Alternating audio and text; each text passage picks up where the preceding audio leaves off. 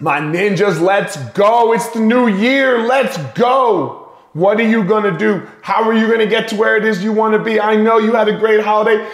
you ate great food. You had time with your family, maybe. I don't know, whatever it was. Look, write it down. Write it down. Not, not, uh, not write down what you want. Write down what December 31st, 2023 is going to look like. Get specific. Get specific of what you're going to have accomplished by December 20, 31st, 2023. The end of this year is what I said. The end. That's what I want you to write down. And then we're gonna work towards that. But don't just write any bullshit down. Take a second. What do you really want? What do you really want?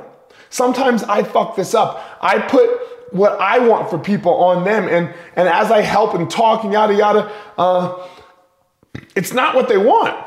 They, they don't want that. You need to be able to really clearly communicate what it is you want, but first you got to know what it is you want. Write it down. What do you want the end of this year to look like? What will make you say success? Now, remember what success is the self satisfaction. Okay, it's John Wooden's definition the self satisfaction that you gave your best in every moment. So, whether or not you hit it or don't hit it, you know, we'll, we'll look at that on the 31st. But take a second, think about it, write it down,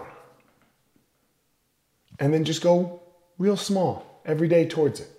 But first, write that shit down. Write it down. What do you want? December 31. And I know it's January 2nd, so it's 365 minus 3. Uh, it is 362 days away. That's how you get shit done, though. Let's go. Discover your passion, find your power, go give your purpose to the world. Happy New Year. Let's get to work.